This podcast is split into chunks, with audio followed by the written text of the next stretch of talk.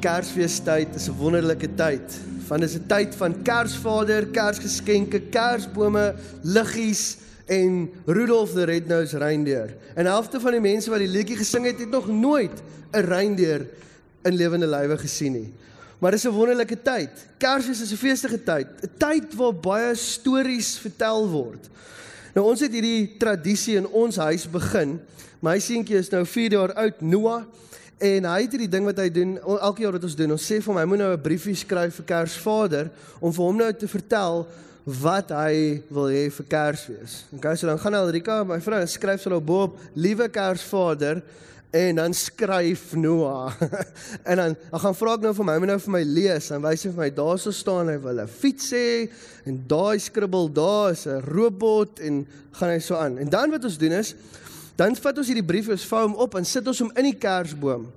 Nou kyk dit lyk asof ons huis 'n Kersfeeswinkel is op hierdie stadium, want dit is Kersfees oral waar jy kyk. My vrou is baie lief vir Kersfees. So dan vat ons hierdie briefie en ons sit dit in die kersboom en dan sê ons, "Oké, okay, Kersvader gaan dit kom haal vanaand." En dan wat ons doen die oomblik as hy in die slaap raak, dan gaan ons die baba poeier uit. Want natuurlik in enige huis waar daar 'n babatjie was, is daar 20 jaar se voorraad van baba poeier. Okay? So jy kan dit mors. So ek mors nie. Okay. So ons vat hierdie baba poeier, ons gooi dit so oor die vloer, maak 'n reuse gemors want het jy al ooit probeer baba poeier opvee? Dit bly agter. En dan vat ek my boots en dan loop ek so hard op die op die ehm um, poeier tot by die kersboom En dan o, dan het hy natuurlik ook vir my melk en koekies uitgesit. En dan drink ek die melk en ek eet 'n koekie en dan is ek weer uit. En dan daai gesiggie van hom daai volgende oggend as hy hierdie voetstappe sien en hy sien sy briefie is gevat. Dit is iets wat ek net vir julle kan 'n foto van wil wys. Maar dan vra hy die volgende vraag want hy's 4. Hy's nou op daai stadium wat hy net vra vra. Okay? So dan vra hy: "Maar pappa, wat is hierdie wit goed op die grond? Dan sê ek vir hom, dis sneeu. Dis sneeu van Kersvader se voete af. En dan bly hy so stil en dan sien jy hier beweeg die ratte in sy kop en hy probeer nou hierdie uitfigure wat ek nou vir hom sê. Dan sê, "Maar pappa, hoekom smel die sneeu nie?" Goeie vraag. en en dan sê ek nou maar die ding wat ons almal sê vir Kersfees, dis magic. Kersvader is magic. Maar dan die snaakse ding is dan sien hy die poeierbotteltjie want mamma en pappa het vergeet om dit te bære. Dan wys hy so sê pappa, is dit die sneeu? Saam met die stories van Kersvader. Hierdie eintlik hierdie skadelose legende van hierdie groot oom in die rooi klere en hierdie oom wat in die middel van die nag in jou huis rondloop terwyl jy slaap, wat eintlik creepy is as jy daaraan dink. Um Maar saam met hierdie legende van Kersvader is daar hierdie ander stories in Kersfees. Kyk gou na die volgende prentjie wat op die skerms gaan kom. Is daar hierdie prentjie? In Engels sal hulle praat van die nativity scene. Sien hierdie storie word vertel al oor eeue en eeue van 'n seentjie wat gebore is in 'n stal. 'n Seentjie wat gebore is en En dit is hoe dit uitgebeeld word baie keer by baie mense se huise. My skoonouers se huis is daar so 'n nativity scene wat elke jaar uitgepak word. Hier by baie vakansiehuise sê jy sien hoe mense se tuine is daar so 'n prentjie uitgestal. En dis 'n mooi herinnering aan 'n baie mooi storie wat daardie aand gebeur het. 'n Verskriklike mooi storie. Maar wat baie keer gebeur is dat hierdie wonderlike storie wat hier uitgebeeld word is word net nog 'n legende en nog 'n mite en nog 'n storie wat vertel word. Die Kersverhaal word baie keer ontkoppel van werklikheid en van geskiedenis af. En dit word net vertel as nog 'n storie. Nou ek weet nie van jou nie, maar ek het al baie keer stukke in die Bybel gelees en dan dink ek by myself, "Ag, oh, dis regtig oninteressant hierdie gedeelte wat ek nou lees." Nou, ek weet niemand sê nou, mm, ja, amen of niks nie, want want mens mag mos nie sê die Bybel is oninteressant nie. Hoekom maar hoekom doen ons dit? Maar dan jy nog obviously nog nie die eerste paar boeke van die Ou Testament gelees nie. Jy het ook nog nie Matteus 1 gelees nie, wat die hele geslagsregister van Jesus is tot op die 14de geslag. Nou, ek besef ons mag mense mense mag dalk dink maar jy mag nie sê die Bybel is oninteressant nie, maar dan as ek dit lees en dink ek by myself is daar nie belangrike dinge wat hier kon gestaan het in hierdie bladsye waar hierdie geslagsregisters geskryf is nie. Is daar nie ander goed is daar nie ander wonderwerke, inspirerende stories wat daar kon geskryf gestaan het. Maar nou word hierdie bladsye en bladsye amper gemors op geslagsregisters. Hoekom? Hoekom is dit daar? Is daar nie belangriker lesse wat ons kon leer uit van hierdie bladsye uit nie? Ek ek is seker of van dit is hoekom baie mense eerder die boek van Johannes sal lees meer as Matteus en Lukas. Jy sien, Johannes was 'n kunstenaar, 'n baie kreatiewe persoon toe hy geskryf het, toe hy die stuk in die Bybel geskryf het, sy boek geskryf het. Hy's 'n kreatiewe kunstenaar. Toe hy die geboorte van Jesus beskryf, toe skryf hy in die begin was die woord. Dis mooi, né? Die woord was by God en die woord was God en die woord het vlees geword. Dis mooi. Dis mooi, dis kreatief, maar ons baie min detail daarin, is ek reg? Dit vertel ons nie meer van wat eintlik rondom dit gebeur het nie. Hy's die kreatiewe persoon. Maar Matteus was 'n tollenaar, tax collector, 'n 'n belastinginvorderaar. Nou enigiemand wat met belasting werk, dis redelik noukeurig, né? So Matteus was noukeurig geweest toe hy sy weergawe geskryf het van die geboorte van Jesus. Dieselfde met Lukas. Lukas was 'n dokter geweest. Hulle skryf nie hulle stukke neer om ons te te probeer uh uh uh om vir ons te probeer uh te inspireer nie. Dis die woord wat ek soek. Hulle probeer ons nie insp te inspireer nie. Hulle skryf hulle boeke om vir ons iets te wys van dat hierdie gebeurtenis was 'n historiese gebeurtenis. Jy sal sien in daai eerste gedeelte van Matteus kan ons lees dat die hele geslagsregister was van Jesus word uitgesit daar tot in die 14de geslag.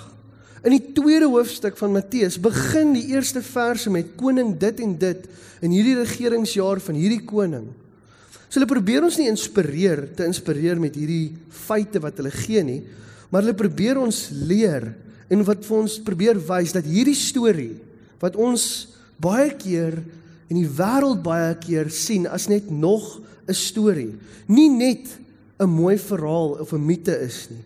Dis 'n werklike historiese feit. Hierdie aand het gebeur. Hierdie aand het gebeur soos wat die Bybel dit vir ons verduidelik. sien dis hoekom daar die geslagsregister staan. Dis hoekom daar datums is, dis hoekom keisers en konings genoem word, want dit bewys net vir ons weer eens dat hierdie storie 'n werklike feit is. Nou vandag se storie is 'n storie wat ons baie goed ken. Ons is besig met hierdie reeks wat ons noem stories binne in 'n storie. En ons kyk na die stories van die Bybel en ons kyk wat is die ander goed wat ons kan leer, die ander stories wat ons uit hierdie skrifte kan uithaal. En vandag praat ons oor die storie van die wyse manne. Nou kom ons lees dit saam in Matteus 2 vanaf vers 1. Dit sê Jesus het in die dorp Bethlehem Jesus is in die dorp Bethlehem Judea gebore tydens die regeringstyd van koning Herodes die Grote. Hierdie ou moes baie van homself gedink het om hom hierdie naam te gee. Omstreeks daardie tyd het daar sterrekundiges of soos wat in die ander vertaling staan die wyse manne uit die ooste na Jerusalem opgedaag. Hulle doen toe navraag: "Waar is hierdie pasgebore koning van die Jode? Ons het sy ster sien verskyn en het gekom om hom te aanbid. Toe koning Herodes hiervan hoor, het dit hom ewig ontstel. Natuurlik het dit hom ontstel. Natuurlik kon hy moes hy kwaad gewees het want dit was 'n direkte bedreiging tot homself. Hy hoor nou ewe skielik daar's 'n koning gebore. Met ander woorde, o, oh oh, hierdie koning kan opstaan en hy gaan my verslaan en ek gaan nie meer koning wees nie. Direkte bedreiging vir hom. Hy kry dadelik die profete van die tyd en die slim ouens, hy kry hulle bymekaar en hy sê: "Vertel my meer van hierdie koning wat moet gebore word." En hulle vertel toe vir hom dat daar is hierdie koning van die Jode wat wat gaan gebore word in hierdie stal. Die wyse manne is ook toe by koning Herodes en hy hy vra toe vir hulle, hy sê vir hulle: "Hoorie, gaan na hierdie koning toe, gaan vind hom, gaan vind uit meer oor hom, want ek wil hom ook gaan aanbid. Ek wil ook saam met julle gaan om hom te gaan aanbid. Maar dis nie wat sy plan was nie. Sy plan was om uit te vind waar hy is en hom te gaan doodmaak. So koning Herodes is nie op 'n goeie plek toe hy hoor wat die wyse manne hom kom vra nie. Die wyse manne kom vra hom: "Vertel my 'n bietjie meer van hierdie koning." Kom ons lees verder, vers 9. Nadat hulle die koning aangehoor het, het die sterrekundiges, die wyse manne vertrek. En werklik waar die ster wat hulle in die ooste sien verskyn het, is weer daar en dit beweeg voor hulle uit totdat dit bo kan die plek staan waar die kindjie was. Met die dat hulle die ster sien, het 'n wonderlike blydskap oor hulle gekom. Toe hulle die huis ingaan, sien hulle die kindjie by Maria, sy ma. Hulle val voor hom neer en aanbid hom. Toe maak hulle hulle kussies met kosbare kosbarehede oop en gee aan hom geskenke van goud, wierook en mirre. sien dis 'n storie wat ons hier gelees het, 'n storie wat ons baie ken. Ons het al baie opvoerings gesien by skoolkonserte van hierdie drie manne wat opdaag en die persentjies gee vir Jesus in 'n krippie. En ons ken die goud, die wierook en die mirre. Ons ken dit. Ons het al baie daarvan gehoor. Maar in die storie is daar hierdie storie binne in die storie wat my verskriklik opgewonde maak. Dit maak my verskriklik opgewonde want dit vertel vir my iets van wie Jesus is en sy hart is. Hierdie boek Matteus begin met 'n volledige geslagsregister van Jesus. Hierdie eerste stuk wat ons nou gelees het Matteus 2 begin ook soos ek gesê het nou net in die soveelste regeringsjaar van koning Herodes die Grote sodat almal op hierdie stadium presies kan weet wanneer hierdie hierdie afgespeel het op daardie oomblik in tyd op daardie oomblik in geskiedenis daag daar 'n ster op. En drie wyse manne kom op die toneel of wyse manne kom op die toneel. Ons weet nie regtig hoeveel wyse manne daar was nie of was, ons weet definitief daar was drie geskenke en dis hoekom baie keer mense sal sê dis drie wyse manne Maar daar's baie teoloë wat reken daar was dalk 'n hele groep van wyse manne, meer as net die 3 wat opgedaag het daar maar hulle het drie geskenke gehad. Maar kom ons praat dan van die wyse manne. Op hierdie oomblik in tyd in geskiedenis is daar hierdie groepie wyse manne wat opdaag op die toneel. Hulle was wyse manne genoem want hulle was sterrekundiges gewees. Hulle het die manier gehad om na die sterre te kyk en iets te kan beleef in die sterre en te kan wyshede vertel van die sterre. En hulle word gesien as wyse manne. En hulle stap en hulle sien hierdie verskynsel raak wat hulle verstom het. Jy weet, dit is iets wat hulle nog nooit raak gesien het. Hulle kyk op, oh, wat is daai ster? Ons het nog nooit dit gesien nie. Dis 'n verskynsel en hulle raak verskriklik nuuskierig.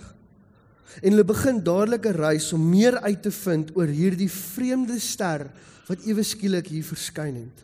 Hulle was soekend. Hulle was op soek na meer. Nou ons weet nie baie van die wyse manne af nie. Die Bybel gee vir ons nie baie inligting nie. Maar wat ons weet van hulle is hulle kom van die ooste af. Ons weet hulle ken sterre. Ons weet hulle was soekend geweest en ons weet hulle kom van ver af om vir Jesus te kom ontmoet. Is ek reg? Dis wat ons kan eie aflei van hierdie storie. Wat ons ook weet van hulle is nie hulle is nie gelowiges nie. Ons weet ook hulle was nie Jode nie. Ons weet ook hulle was nog steeds soekend. So hierdie manne daag op en hulle is soekend. Nou ek gaan gou spring na die einde van my preek toe. So spoiler alert, as jy nie wil hoor nie, druk toe jou ore nou. Kyk die einde. Dis op hierdie oomblik in tyd toe hemel en aarde mekaar ontmoet. Toe Jesus Christus, God in die vlees op aarde gebore word, op seker die mees beduidendste oomblik in die geskiedenis van die mensdom, is daar nie priesters en profete wat opdaag nie. Daar's nie priesters en profete teenwoordig nie. Maar wie is teenwoordig? Soekende mense. Mense wat soek. OK, terug na die preek toe. Ek vermoed, ek vermoed dat hierdie wyse manne het 'n soeke na meer in hulle lewe gehad. En dan sien hulle hierdie ster. Hulle kyk op en hulle besef hier is iets groter aan die gang. Hier is iets groter aan die gang. Hulle was soekend. Hulle het gekyk en hulle is hulle hulle hulle wonder oor dit. Hulle sien iets raak wat op daai oomblik oop was vir duisende mense. 'n Ster is nie iets wat weggesteek kan word vir iemand af nie. Almal van ons kan sterre sien. En daai manne sit daai aand en hulle kyk op en hulle sien iets raak wat meeste mense daardie aand nie gesien het nie. Hulle sien iets raak in die skepping wat niemand anders te raak sien nie. Jy sien iewers het daar profete gesit. Daar priesters gesit en hulle het nie hierdie ster raak gesien nie. Hulle kyk op en hulle sien hierdie ster en hulle dink, hier's iets groter. Weet julle hoekom?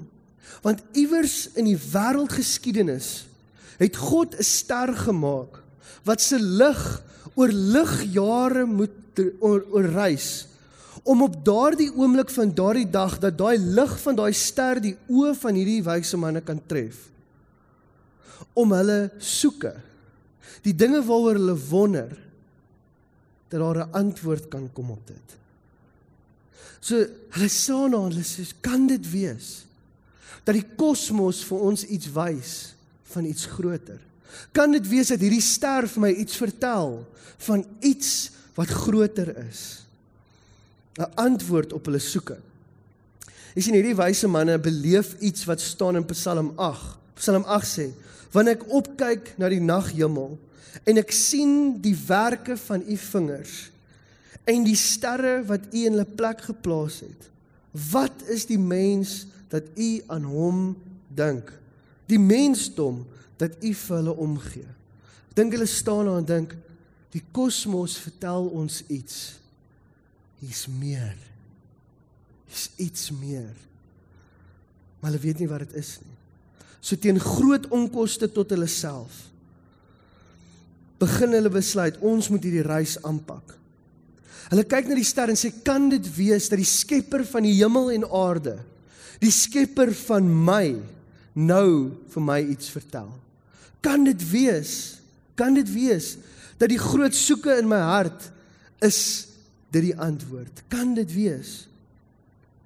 Dit is so jammer dat die storie agter hierdie storie, een van die baie stories agter die storie, is 'n hartseer storie. My en jou storie, ons storie van ons lewens. Hoeveel keer in ons lewens daag daar sterre op in ons lewens waar God vir ons iets wys, waar God vir ons iets sê, waar God met ons praat en in 'n oomblik waar ons kyk na die ster en sê ons Ek sien dit ek sien dit nie raak nie.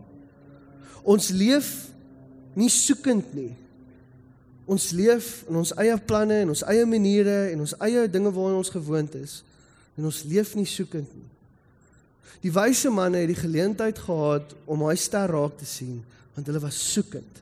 Hulle het meer wou, hulle wou meer sien. Hoeveel keer mis ons die sterre wat God in ons lewens plaas? Daardie aand het net 'n klein groepie mense besef wat besig is om te gebeur. Klein groepie mense het daardie aand opgekyk en gesê hier's iets. Nou die eerste ding wat ons kan leer uit hierdie storie binne in die storie is dat die daar's iets aan 'n geheim van soek. Daar's 'n geheim in die Bybel. Jy sien hulle maak reg om te reis. Hulle pak hulle goed, hulle hulle hulle hulle besef ons gaan nie leë hande opdaag nie so hulle kry die duurste persente wat hulle kan kry hulle pak dit in en hulle sê kom ons gaan nou want want daar is iets agter hierdie ster 'n koning is gebore hulle betaal 'n duur prys hulle pak al hulle goed in om te hulle hulle vat hierdie groot reis aan hulle betaal hierdie duur prys om uit te vind wat is agter hierdie ster en hulle begin te stap en hulle begin te reis Daar was iets anderste aan hierdie wyse manne. Hulle het op 'n ander manier geleef. Hulle het op 'n ander manier ge, gedink want hulle vermoed waarna hulle soek is agter hierdie ster. En hulle begin te reis. Hulle was bereid om 'n prys te betaal om te soek. Hulle was bereid om 'n prys te betaal na hierdie soeke toe. En daar is hierdie geheim in die Bybel wat vir ons Skus tog wat vir ons vertel oor soeke. Iets vertel oor soeke. Luister wat sê, ek gaan vir julle 'n paar skrifverse net so vinnig lees na mekaar. 1 Kronieke 16 vers 11. Soek na die Here en sy krag. Hou aan om hom te soek Moenie ophou nie. Hou aan om hom te soek. Jeremia 29 vers 13. As julle heel hartig na my soek, sal julle my vind. Deuteronomium 4 vers 29. Daar sal julle weer na die Here, julle God begin soek. As julle met hart en siel na hom soek, sal julle hom vind. 1 Tessalonisense 4 vers 4. Hier is 'n snaakse ene. Sê elkeen wat weet, elkeen van julle moet weet hoe om op te tree as jy 'n vrou soek. OK? So as jy 'n vrou soek, spuit jy die ouderend, stort, kam jy hare, né? Tree op soos mense wat aan God behoort en wat sy eer soek. So hy vergelyk dit nogal so. So daai nou kan jy hou vir jouself. Klaagrede 3 vers 25. Die Here is goed vir hulle wat op hom wag en hom soek. Matteus 7 vers 8. Elkeen wat so volhardend vra ontvang en wie aanhou soek kry en vir elkeen wat aanhou klop sal God oopmaak. Hierdie storie roep ons. Hierdie storie van die wyse manne roep ons na na 'n geheim wat ons kan sien reg deur die Bybel 'n goue draadjie het. Om mense te wees wat aanhou soek. Om amper te leef met hierdie heilige ontevredenheid om te sê ek sal nooit alles van God kan weet, nooit van alles van God kan verstaan nie. Maar om verder te gaan, om te sê ek is honger na meer, ek dors na meer maar om dieselfde te doen in ons verhoudings met ander mense. Ons kan nie net leef as mense wat net sê ek het jou klaar opgesom, dit is wie jy is en daar gaan jy nie.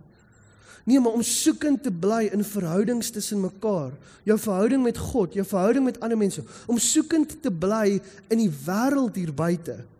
Soekend te bly vir oomblikke wanneer sterre opdaag in ons lewens. Waar God vir ons sê ek wil nou jy moet dit vir my doen of ek wil nou jy moet dit vir my doen daar's soveel stories van so baie mense wat op mooi oomblikke die regte goed gesê het vir die regte mense. Om soekend te bly. Jy sien die probleem is mense wat ophou soek stagneer. Hulle stagneer. Dis 'n lewe sonder verwondering. Maar as ons dink nie daaraan as ons ons lewe begin leef en ons kyk uit na die wêreld in verwondering van meer Want wanneer ons ons oë oopmaak vir meer, wanneer dit gebeur, dan dan begin ons lewens skuif. Dinge in ons lewens begin sin maak. Die storie binne in die storie nooi ons uit om nooit op 'n plek te kom in ons verhouding met God, ons verhouding met ander dat ons dink ons weet alles nie. Dat ons dink dat ons kan die die antwoord gee op moeilike vrae om soekend te bly om nooit te dink ons het gearriveer in ons verhoudings met ander mense, in ons loopbane en ons verhouding met God nie. Ons kan nie 'n lewe leef van arriveer nie. As ons hierdie geheim van die Bybel verstaan, wanneer ons begin verstaan dat ware geluk lê nie in die soeke na geluk, maar dit lê in 'n soeke in iets anders. Luister wat sê uh D Martin Lloyd Jones. Hy sê die volgende, hy sê according to scripture, happiness is never something that should be sought direct directly. It is always something that result from seeking something else. Die tweede ding wat vir my uitstaan in hierdie storie, en ons is amper klaar volgens, is dat God is naby die mense wat soek. Ons kan aflei weer eens in die storie dat hierdie wyse manne nie geglo het nie maar hulle was soekende mense gewees. En alhoewel ons baie min van hulle weet, weet ons dat hierdie manne was daar teenwoordig by die grootste oomblik in die geskiedenis van die mensdom. Nie die priesters of die profete nie, maar die soekende mense. Dit wys vir my iets van God se hart. Dit wys vir my God se hart want toe Jesus in sy baba vorm was, toe Jesus nog voordat hy 'n woord kon praat, het Jesus klaar die mense wat soekend is na hom toe getrek. God het klaar op daai oomblik die mense wat soekend is na meer na hom toe getrek. Nie die mense wat gedink het hulle weet alles nie. Die mense wat soekend was. Sien these wyse manne het na die sterre gekyk daardie aand met die hoop om iets meer te sien. Om iets meer te beleef van hulle lewens. En soos wat hulle opkyk, daar is dit. Ek kan sommer sien hoe hulle opgewonde. Hey, het jy sien julle dit? sien julle dit wat daar is? sien julle dit? Dit moet dit wees. Dit moet dit wees. God het die kosmos geskuif. Hy het die sterre in plek gesit sodat hierdie klein groepie soekende mense hulle antwoord kan kry by 'n baba Jesus in 'n stal. Jy sien hierdie was nie 'n geslote oomblik in geskiedenis waar daar net een ster opgedaag het nie. Hierdie was is 'n 'n bewys amper van so baie ander oomblikke in ons lewens waar daar ook sterre opdaag. Sien ons almal het het 'n vorm van soeke in ons binneste. Ons almal het dit. Ons het dalk nie die woorde daarvoor nie. Maar op die regte plek in die regte tyd sal daar 'n ster verskyn wat vir jou die antwoord gaan gee op jou soeke. Dit dit wees? Kan dit wees dat die God van die kosmos my nou roep deur hierdie oomblik? Dalk is vandag jou ster. Jy is nou op hierdie oomblik suid 33 grade 59 minute 25.214 grade uh, sekondes. Oos 22 grade 21 minute en 0.542 sekondes.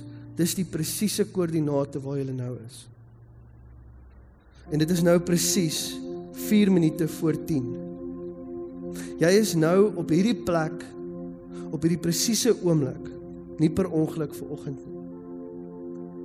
Jy's by hierdie koördinate op hierdie tyd nie per ongeluk nie.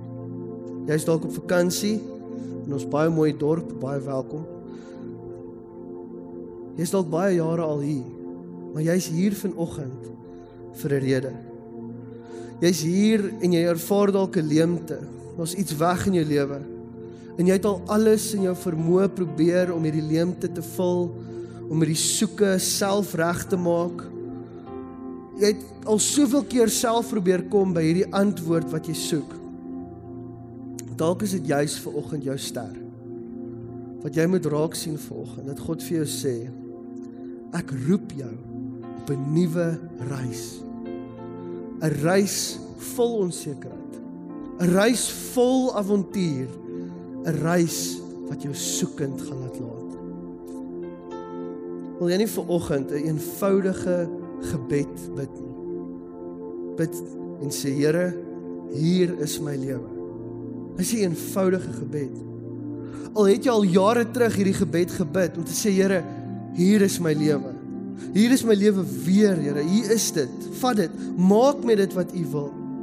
Jy weet, die oplossing vir die probleme in jou lewe is nie hierdie gebed nie. Want dit gaan nie alles net makliker maak nie.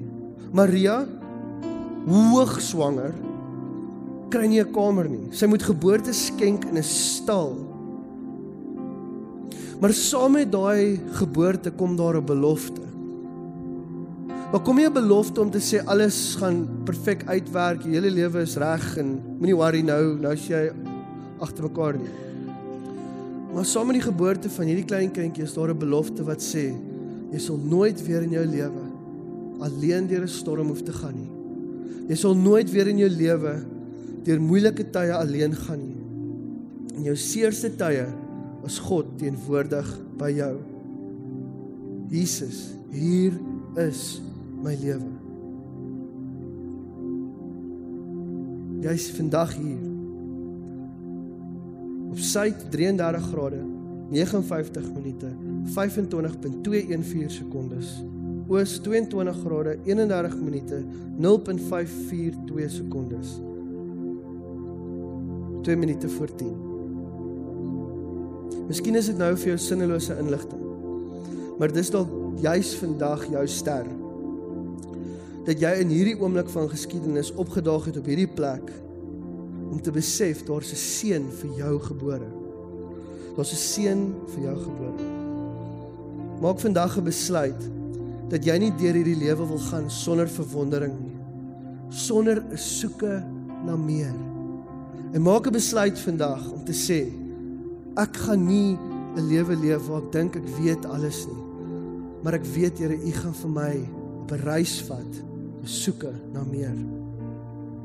Hierdie wyse manne is van die min mense wat die voorreg gehad het om deel te wees van die grootste oomblik in die geskiedenis van die mensdom. En juis net daar op daai oomblik van hulle soeke vind hulle Jesus. Want hulle het gekyk en geluister na 'n ster. Kom ons sluit ons oom bid ons so. Here vir oggend is al baie mense wat dalk hierdie gebed gebid het. Wat sê Here, hier is my lewe. En dan vir elkeen wat ver oggend hierdie beleef het as 'n ster. Here mag U by hulle wees vandag. Here, U ken elke hart, U ken elke storie, U ken elke persoon hier voor Here mag ons besef vanoggend U is hier by ons.